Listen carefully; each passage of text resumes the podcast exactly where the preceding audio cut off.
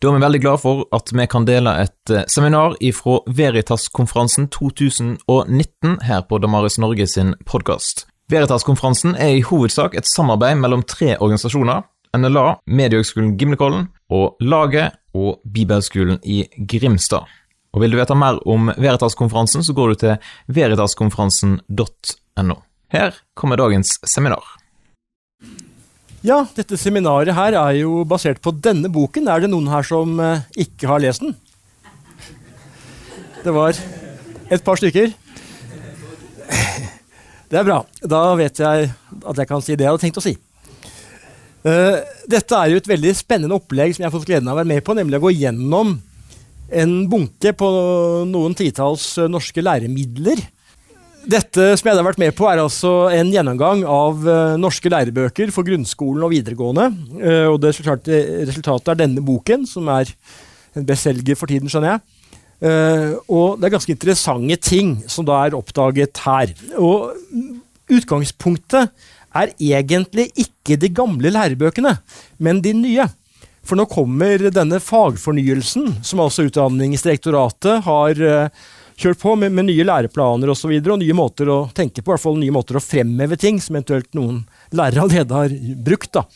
Men det går på dette med at man skal få fram ting Altså elevene skal lære ting som er relevante, naturlig nok, for den framtiden som de uh, kan uh, komme inn i, med ny teknologi, ny kunnskap og nye utfordringer. Og her trenger man barn og unge som reflekterer, er kritiske, utforskende og kreative. Og så er det snakk om mer tid til det man kaller for dybdelæring. Hvor man går litt mer i dybden på et smalere område. Og prøver å få med seg litt mange ting i samme omgangen. Og så er det sånn at man er opptatt i uh, hvert av fagene på noen spesielle ting. Og historie og filosofi så er det dette med opplæring i kildebruk og kildekritikk for å kunne vurdere informasjon og kunne skille mellom informasjon og dokumentasjon som en del av opplæringen. Dette sier man da fra Utdanningsdirektoratet, eller UDIR på kort, er viktige ferdigheter for demokrati, rettsstat og vitenskap, og for aktiv deltakelse i informasjonssamfunnene. Og i dette ligger bl.a. dette med å lære seg historiebevissthet. Og her har man da rett og slett uh, lagt vekt på disse ulike periodene. Antikken, middelalderen, uh, opplysningstid, renessanse osv. Og, og det de sier om middelalder, for å ta det, det er at dette handler om endringene i samfunnet og tenkemåter i perioden. Religionenes og filosofiens betydning for kulturspredning og menneskets tenkning er sentralt. Og Hovedområdet handler om vurdering av historiske kilder og forståelse av historisk utvikling. Og hvis dette er ambisjonen, så er det interessant å se på hvordan har man forvaltet denne type kanskje manglende ambisjoner. Det har vært bra ambisjoner før, ikke det jeg sier. Men hva har man gjort med lærebøkene som nå er i bruk? Og så kommer det altså nye lærebøker neste år. Og det som er greia for uh, mange kristne sammenhenger, er jo at av alle de mange fagene som finnes, og det finnes enda flere enn de, de fagene her, så er det sånn at man veldig fort løfter fram ett bestemt fag. Det faget interesserer meg lite. Det er ikke KRLE eller religion og livssyn jeg har sett mest på. Jeg har vært borti det faget også. Men jeg mener det er fort sånn eh, blindspor å fokusere på det faget, om det er mer enn 50% kristendomsundervisning, om det er en K foran, eller noe sånt. Det det handler om, er hvordan fremstilles disse tingene i alle fag. Ofte er det også sånn, og er det bare å holde seg fast for religionslærer eller hva det heter for tiden, at man oppfatter, elevene oppfatter KRLE-faget som sånn fantasyfag. Det handler ikke om virkeligheten, men om hva folk har ment og tenkt. og sånn. Mens de ordentlige fagene, det er historie og, og, og uh, matematikk og fysikk og geografi osv. Så, uh, så, så i disse andre fagene får man fakta. Og i KRLE så er det ikke så nøye. Der er det bare å huske hva noen raringer har ment i, i gamle dager. Uh, og det jeg oppdaget, er at spesielt for grunnskolen står det ikke så bra til på en del områder som spesielt da har å gjøre med kristen tro og historie, for å ta det her på Veritas, og det er det vi har fokusert på i, i uh, boken. Det er veldig mye feil og myter, eh, og ofte ganske spisse overskrifter og fremstillinger. Det er mye bedre for videregående, men det er fortsatt for mange feil. Eh, og så finnes det selvsagt også bra lærebøker. Og når jeg nå løfter fram noen sitater fra lærebøker som kan se rare ut, altså sitatene, så er ikke det dermed sagt at de lærebøkene som disse står i, er alltid så dårlige. Noen av lærebøkene er riktig så gode. Men samtidig er det også sånn at selv om det kunne være én sånn liten feil en stor feil i en god lærebok, er jo verre enn mange feil i en dårlig lærebok. For da har jo elevene sett at læreboken er god, og fått tiltro til den. Så, så her er eksempler på, på, gode lærebøker. Historie, filosofi 1 og 2 er lærebøker som Hvis jeg først skal anbefale noen, så er disse av de som er i bruk nå, og som jeg spesielt syns var, var, gode. Men det fins andre gode også. Uh, tenk dere at dere møter følgende uttalelse i en lærebok. Ved Universitetet i Oslo diskuterte man antallet hjul på en bil. I stedet for å telle så man det som et politisk spørsmål. Tallet kunne ikke være tre, for det ville fornærmet Stoltenbergs trepartiregjering. Det kunne ikke være fem, for Gerhardsen satt i fire arbeiderpartiregjeringer og hvilte under den femte. Stå sterk makt hadde Arbeiderpartiet på starten av 2000-tallet. Hva tenker dere når dere ser dette sitatet? Det bekrefter det negative synet, eller eventuelt forskrekker dere som stemmer på Arbeiderpartiet? Lærebokens navn sier jo litt her. Men la oss nå ta dette sitatet, som altså er ekte, fra en ekte lærebok. Ved universitetet i Paris satt lærde menn i middelalderen og diskuterte hvor mange tenner hesten hadde. De gikk ikke ut og telte, men diskuterte det som et teologisk spørsmål. De klarte å bli enige om at tallet på tenner ikke kunne være delelig med tre, for det ville være en fornærmelse mot treenigheten. De var også enige om at tallet ikke kunne være delelig med syv, for Gud skapte verden på seks dager og hvilte på den syvende. Dette eksempelet viser hvor sterk makt kirken hadde i middelalderen. Dette går altså gjennom redaksjonen i læreboken, lærebokforfatterne tar dette for god fisk, og jeg har ikke hørt om en eneste én lærer eller elev som har protestert på dette. Det kan jo godt være noen som har gjort det, men jeg har altså ikke hørt det. Eh, men det er altså like fullt det rene nonsens totalt sprøyt, sier altså mest om hvilken makt mytene har i nåtiden. Og dette her er da ikke mulig å spore tilbake lenger enn rundt 100 år, drøyt 100 år, til altså en anekdote i en britisk uh, avis eller tidsskrift uh, som hadde dette her. altså. Har jo ingen som helst ting å gjøre med middelalderen. Veldig mye er det som å være på et, uh, et teater. Eh, det var et seminar tidligere i dag som hadde noen gode illustrasjoner fra et teater. Jeg tar, bruker litt foilene her ofte. Eh, tenk dere, kommer på teatret. Det er eh, blide mennesker, varme omgivelser, solen skinner, til og med to soler. Og budskapet er greit. Jeg har gjort denne boken da, litt på vegne av skolelaget, studentlaget. Da er det jo boller som er det viktige her. Vi har bra boller, er dagens uh, hete budskap. Hvordan oppleves det? Får dere lyst til å smake på de bollene? Kanskje litt? Hva hvis det ser sånn ut da på scenen? Budskapet er det samme. Vi har bra boller. Men får dere samme lysten til å smake? Jeg tror ikke det. Det er noen liksom, små, små detaljer, nyanser, som gjør at de to settingene oppleves forskjellige. Veldig mye har å gjøre med vår moderne kulturs skapelsesberetning som det av og til synes jeg, forventes skal tas bokstavelig med alle tilhørende anekdoter, som dette med hestens tenner og tellingen av den, eller mangelen av telling av den. I middelalderen var kirkens makt stor, kunnskapen var følgelig liten. Så kom det noen eh, så hadde stigende vats aha-opplevelser. Følgelig så mistet kirken makt mer og mer, og man fikk mer og mer kunnskap, og havnet i det lyse, moderne samfunn. Dette er da uttrykt på selveste internettet, med denne figuren her, som av og til har gått litt rundt. Hvor den vitenskapelige kunnskapen er oppover, Og vi ser den vokste i den egyptiske tiden, i den greske, den romerske, så fikk kirken makten. Bang! Tusen års uh, sort hull. Uh, kunnskapen forsvant, undertrykt, visste ikke hvor mange tenner hestene hadde.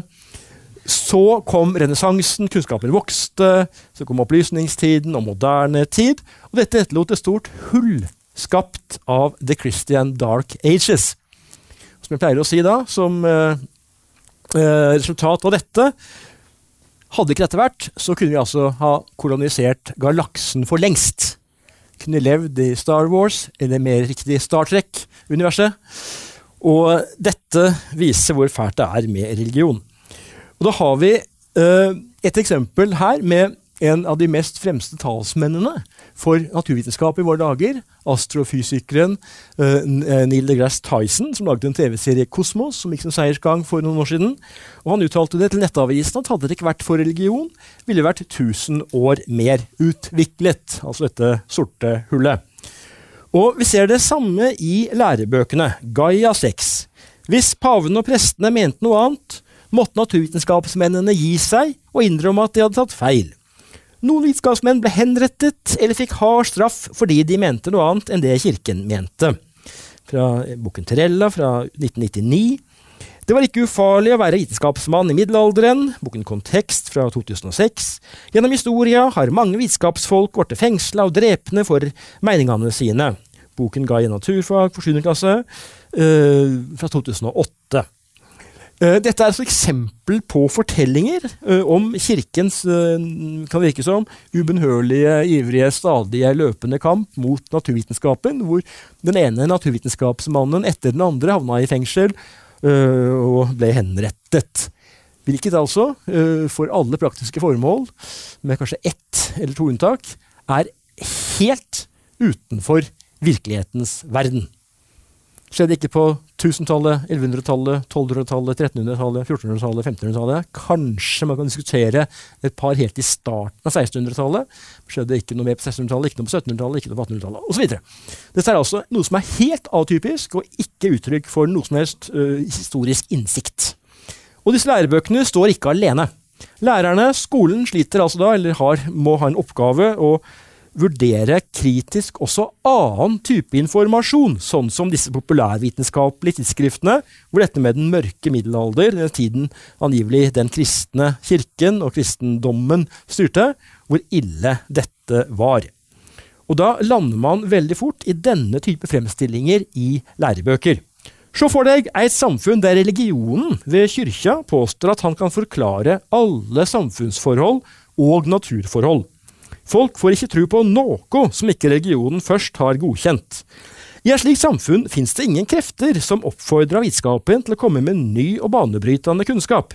Tvert imot blir ny kunnskap sett på med skepsis. Dette samfunnet er mellomalderen i Europa. Dette er da i denne læreboken her. Intertekst er vel den toeren som midten der, sånn, som er den viktige. Og vi finner dette på alle nivåer.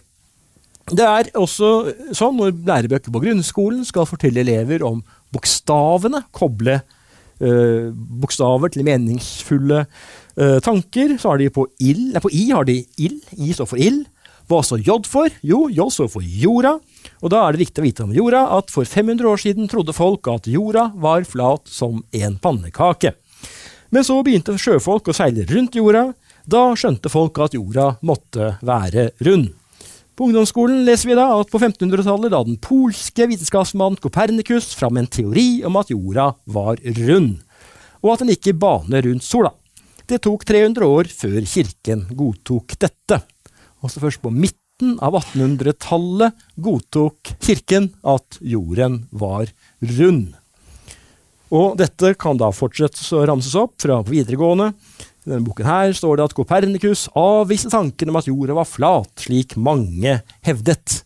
Og nå er det sånn at lærebøker ikke lenger godkjennes av UDIR. Det var en ordning for rundt 20 år siden, som da tok slutt.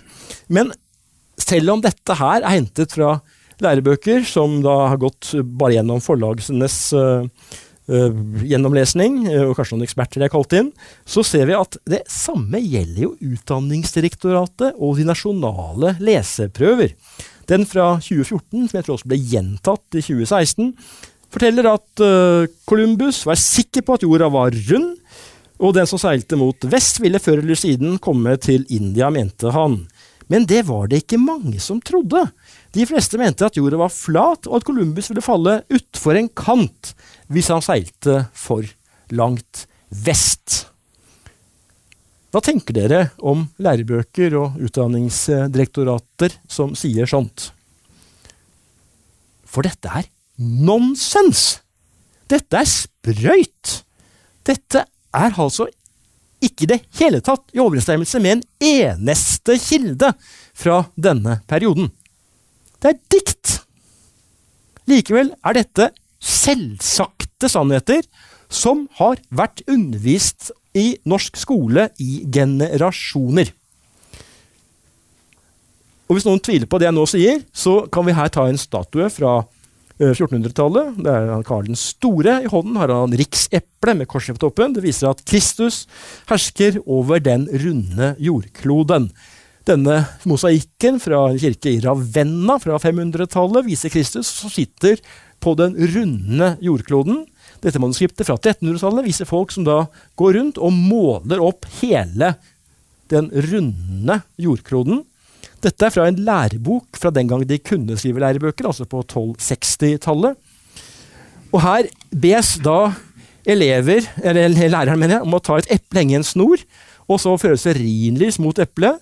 Der hvor eh, stearinlys er nærmest eplet, der blir det lysest og varmest. Slik er det også med jorden og sola, sier denne læreboken, som altså uten noen dikkedarer eh, har jorda som en rund kule.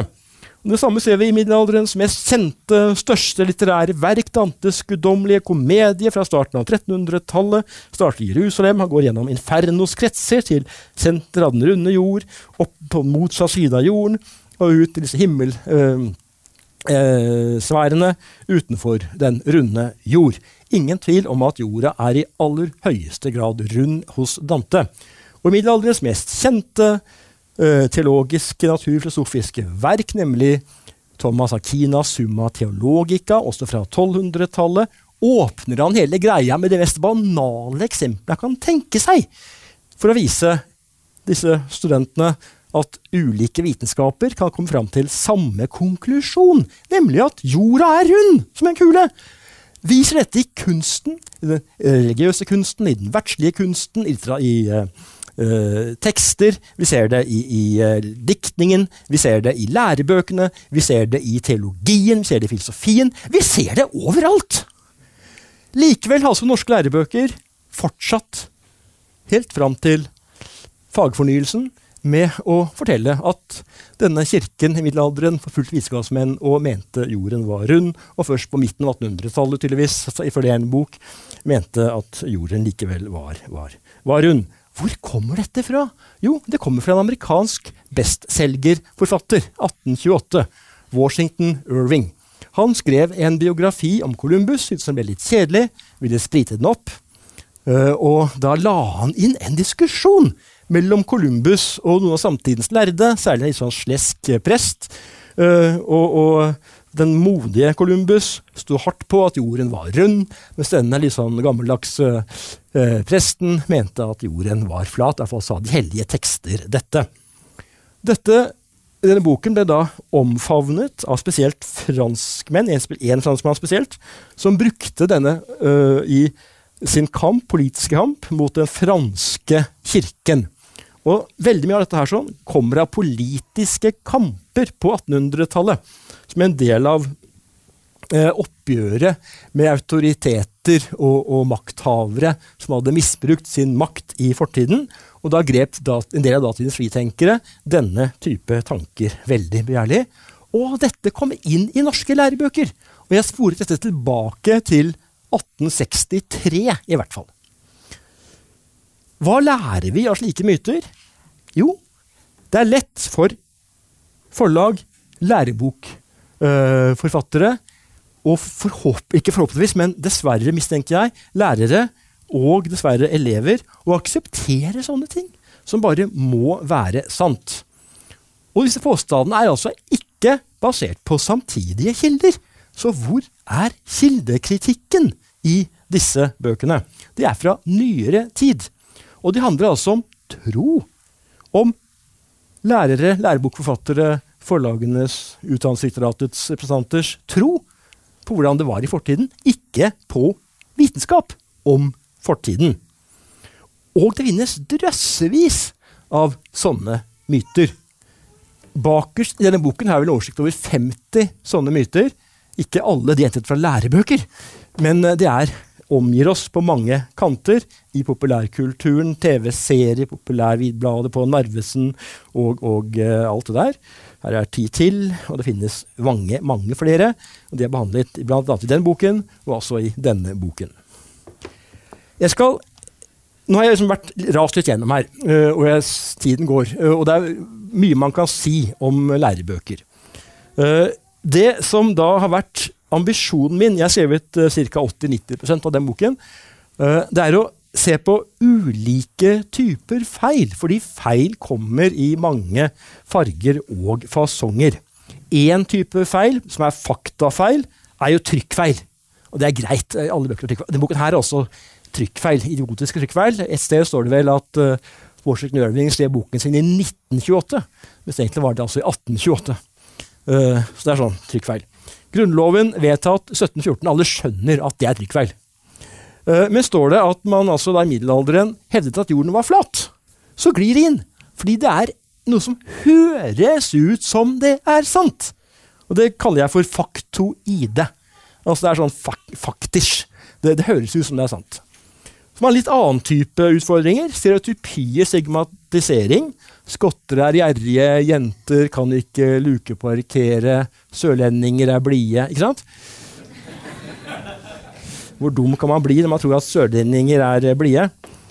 Uh, og så har man dette med politisk og ideologisk uenighet. Altså at lavere arbeidsavgift det gir flere i arbeid. Lærebøker kan ikke si det, for da tar de stilling i en politisk debatt. Eller altså motsatt, bedrifter blir bedre om staten styrer. Man tar stilling i en politisk kan ikke si det. Tilsvarende kan man ikke si noe om livssyn på den måten at mormonerkirken er best. Tenk om norske lærebøker gikk ut og sa det. Kan ikke gjøre det. Eller at himmelen finnes ikke. Kan ikke si det i en norsk lærebok. Uh, men så kommer litt sånn verre ting som uh, Eller det er innlagt sa det, da, men, så det sier man ikke så mye. Jeg ser ikke noe av det egentlig. Men det der at det er i strid med faglige vurderinger. Middelalderen var mørk, opplysningstiden drevet fram av ateister. Det er ting som man sliter med å begrunne faglig, men likevel er dette ganske vanlig. I hvert fall inntrykket elevene kan få, er at det er dette lærebøkene sier.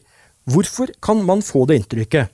Jo, fordi man av og til utelater sammenhenger. Og så er det jo sånn da at heldigvis kan lærerne hjelpe. Så når jeg snakker om lærebøker, så kan det godt være at skolehverdagen er annerledes. Ved at lærerne gjør en kjempejobb og, og, og retter opp og, og, kommer med motforestillinger og hjelper elever til å finne stoff som, som kan kaste mye mer lys over disse tingene. Men hvis man bare skal sjekke læremidlene på nettet eller lærebøker eller videoer, eller noe sånt, så er det sies en del ting som kan tas ut av sammenhengen og dermed misforstås. La oss bruke litt tid på kristningen.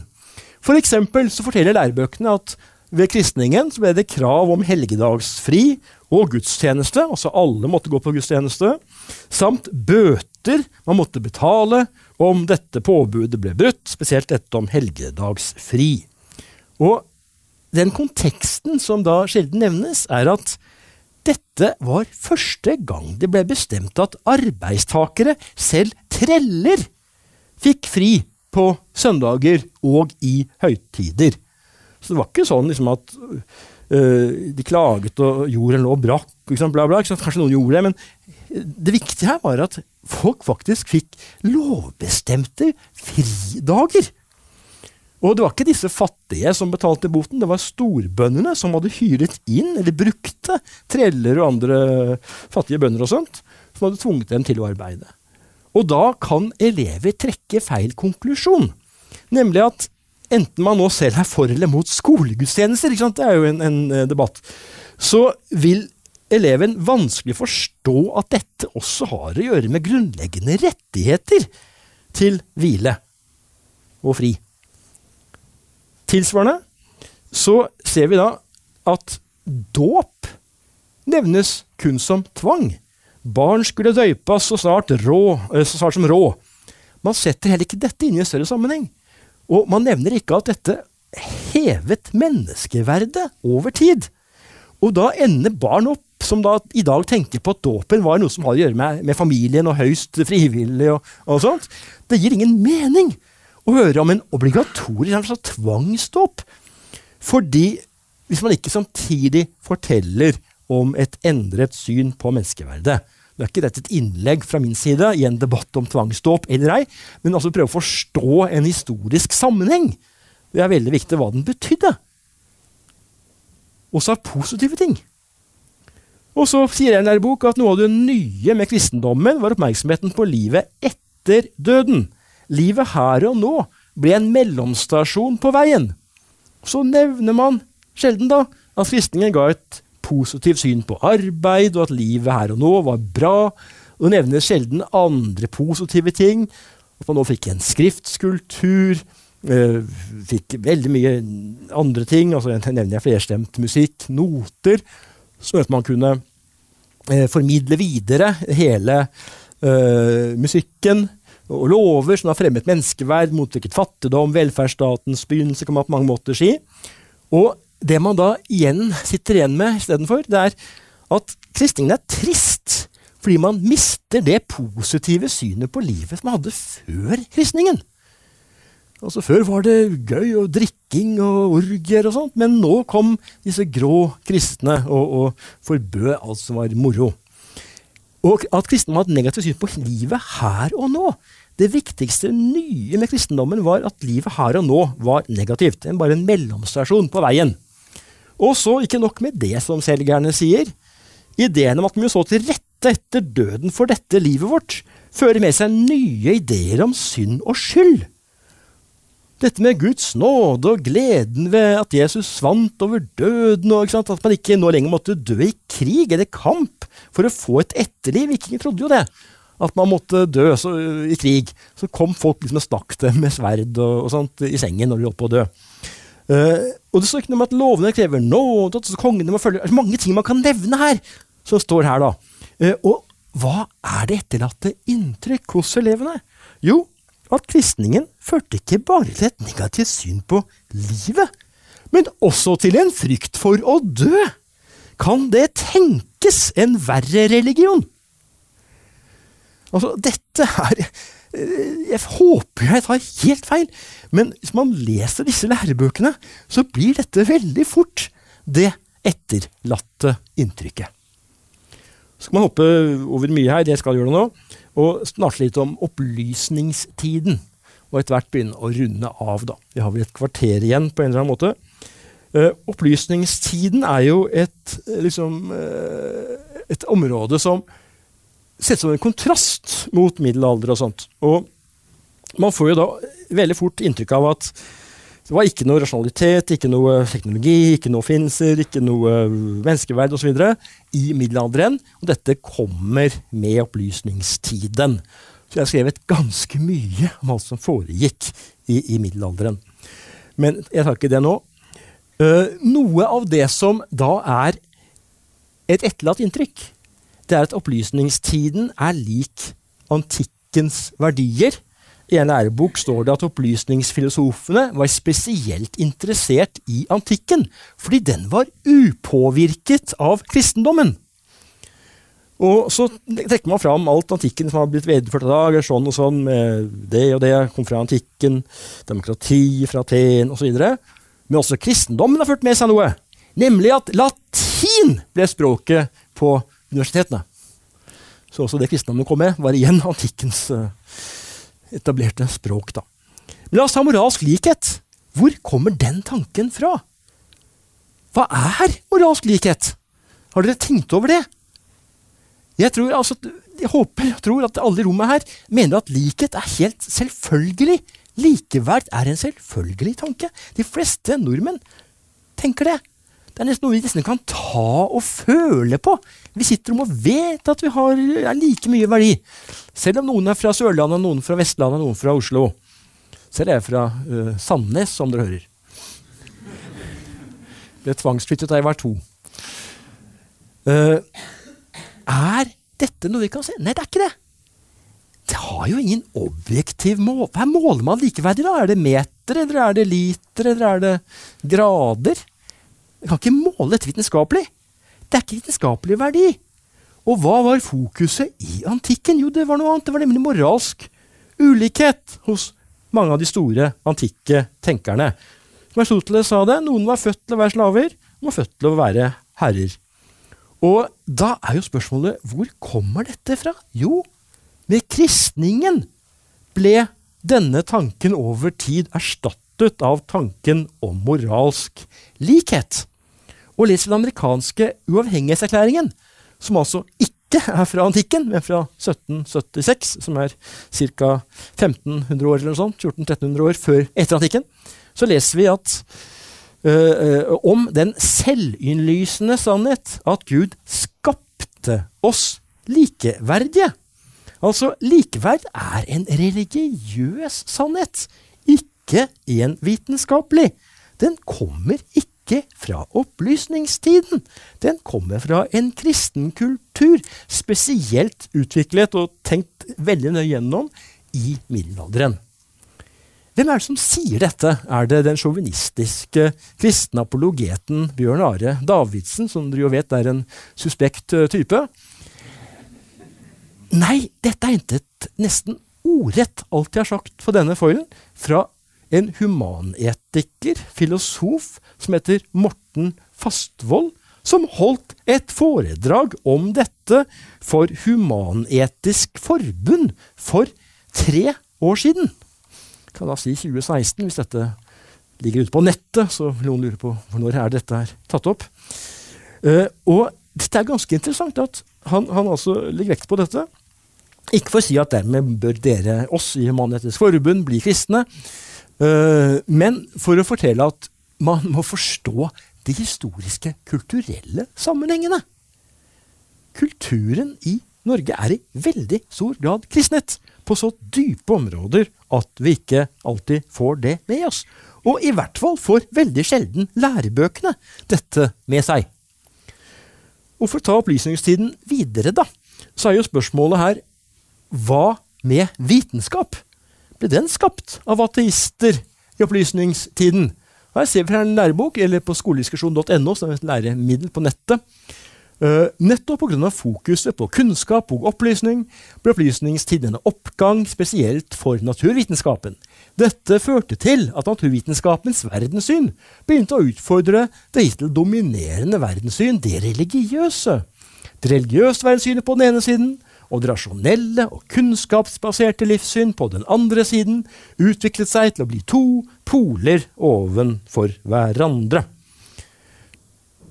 Hva tenker da elever, lærere, til og med dere i dette rommet, sikkert noen lærere her kanskje, eh, om en sånn forklaring, en sånn beskrivelse? Hvordan vil elever oppfatte dette? Vil de bli mer positive, eller få et mer negativt syn på religion, som det står, altså kristen tro for alle praktiske formål, i Europa på 1700-tallet.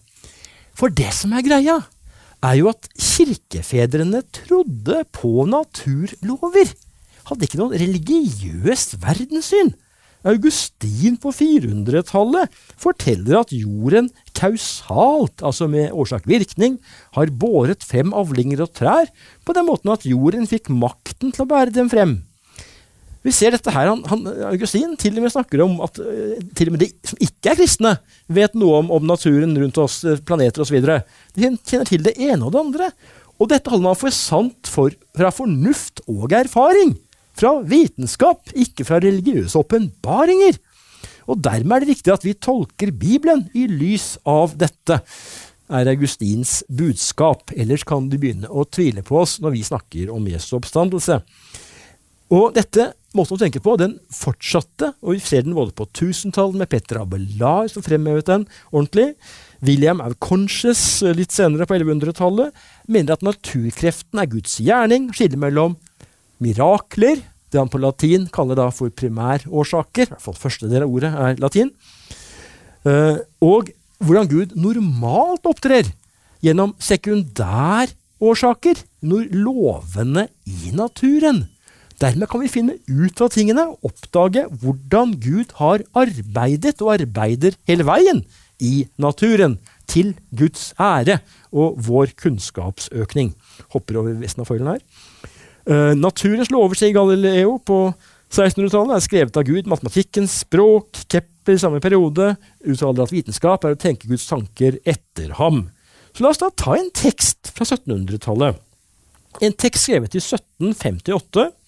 Den er skrevet av en person som vil stifte et uh, vitenskapsselskap i Trondhjem.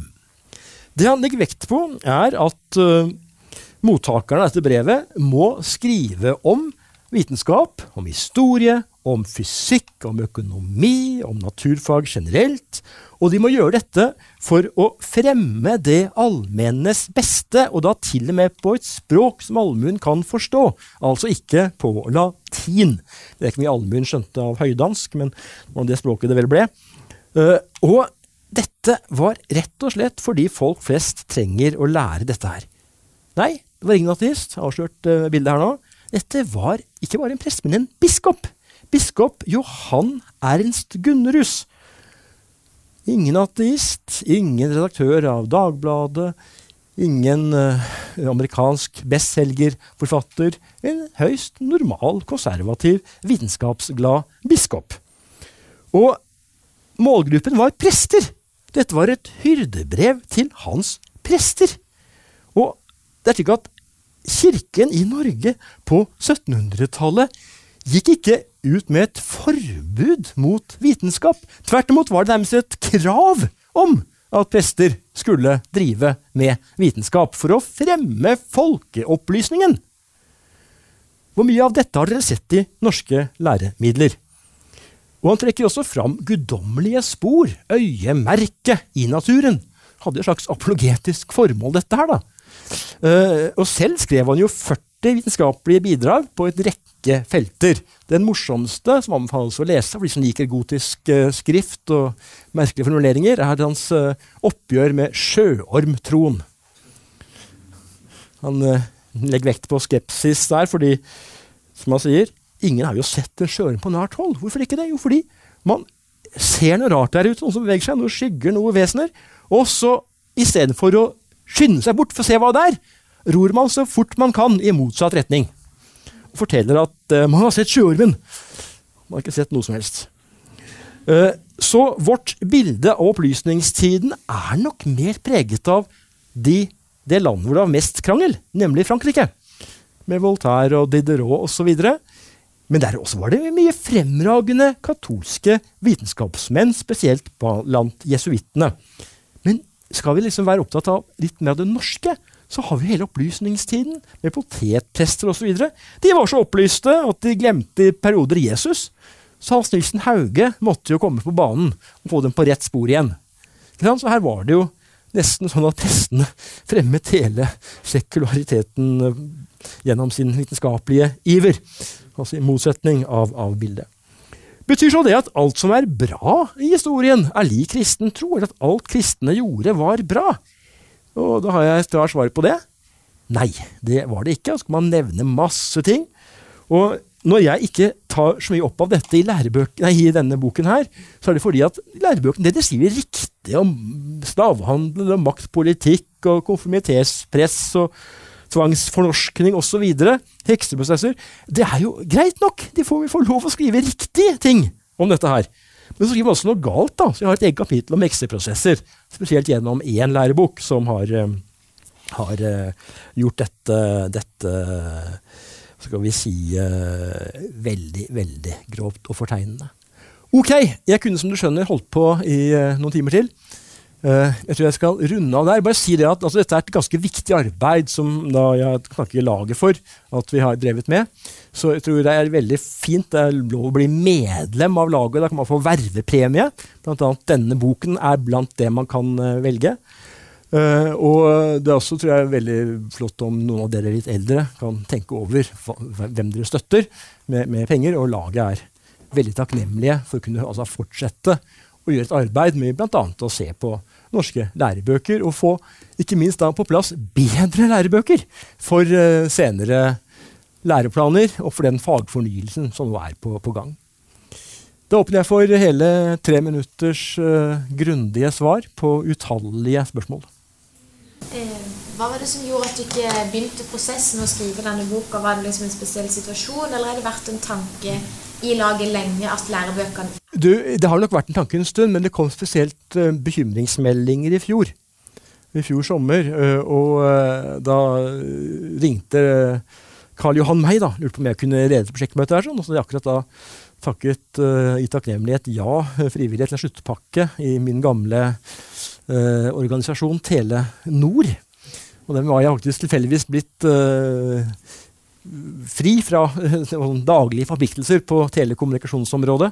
Så det passet jo som hånd i hanske, så jeg sa ja til det. Og dermed så ble det gjort en jobb fra september i fjor. da. Ja.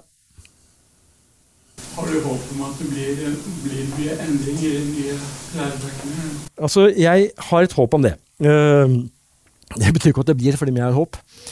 Men uh, det jeg vet, er at altså, Aschehoug forlag har invitert meg til å holde en uh, undervisningssesjon for uh, dem på deres videreutdanningskurs for lærere til våren. Jeg involverte én lærebokforfatter i denne boken. Han er intervjuet på slutten, og han tror jeg har lest den med stor interesse. og Han er ikke enig i alt, men han syns den er på noen områder nyttig. Og han, mulig altså, jeg får lov til å lese gjennom det han skriver. Uh, jeg får kronikk i Aftenposten. Uh, fikk jeg til det i går, uh, så jeg må bare omskrive den. Halvere den! Selvfølgelig. Alltid sånn. det kommer i løpet av noen dager. Og jeg tror det kommer på dagsordenen. Og, man, man sier, og vi også har levert høringsuttalelser til UDIR på en del av disse tingene. som jeg tror er, Alt dette bidrar. Så får vi nå se, da. Og hvis det blir fortsatt mye feil, så har jeg jobb neste år òg!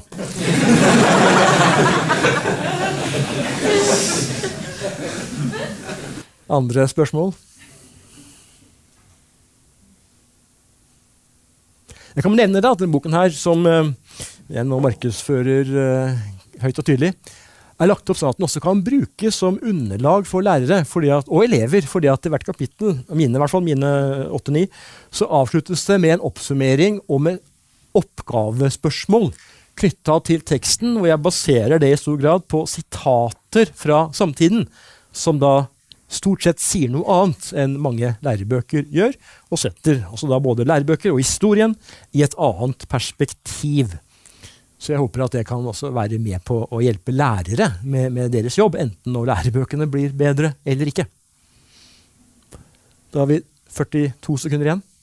Jeg tenkte, Har dere vært i kontakt med noen eh, som har skrevet disse bøkene? her? Har de kunnet forsvare feilene? eller har de... Du, altså, eh, Jeg tror nok en del av dem eh, har uh,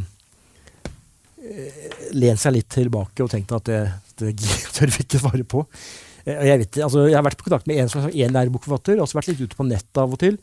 Og jeg har jo rettet, fått rettet opp en del eh, på websider til professorer og sånt for noen år siden. Så de som tar dette for alvor, de, de retter opp. Og noen blir litt så sure, da. Liksom bagateller og jorden var flat eller rund spiller en rolle, da. Ja, så, så det er, det er, eh, hva skal vi si, det er en blandet opplevelse å komme med kritikk. Jeg regner med at når de blir sure. Og så er det også selvfølgelig, naturlig nok, vil det være noen feil her, ikke bare trykkfeil. Og da blir det en debatt, da. ikke sant? Det kan være ting som er i hvert fall diskutabelt, da, om det ikke er direkte feil. Men, men, jeg tror at bevisstgjøring er viktig nå. Og det også må dere hjelpe til, altså hvis dere er lærere eller elever eller har barn som er lærere eller elever. Så, så må dere bare, eller er foreldre som er lærere, så må dere si fra og rekke opp hånden litt i beste Hermine-stil. Ok, takk for meg. Takk for at du lytter gjennom dette seminaret her. Og Skulle du ønske at flere fikk med seg det gode innholdet, ja, da kan du jo faktisk dele seminaret med noen, eller tipse dem om seminaret i sosiale medier. Vi setter jo veldig stor pris på om du har lyst til å skrive en anmeldelse av Damaris Norge sin podkast på de ulike podkastplattformene. Da hjelper det oss å løfte podkasten opp, sånn at flere får nytte av den.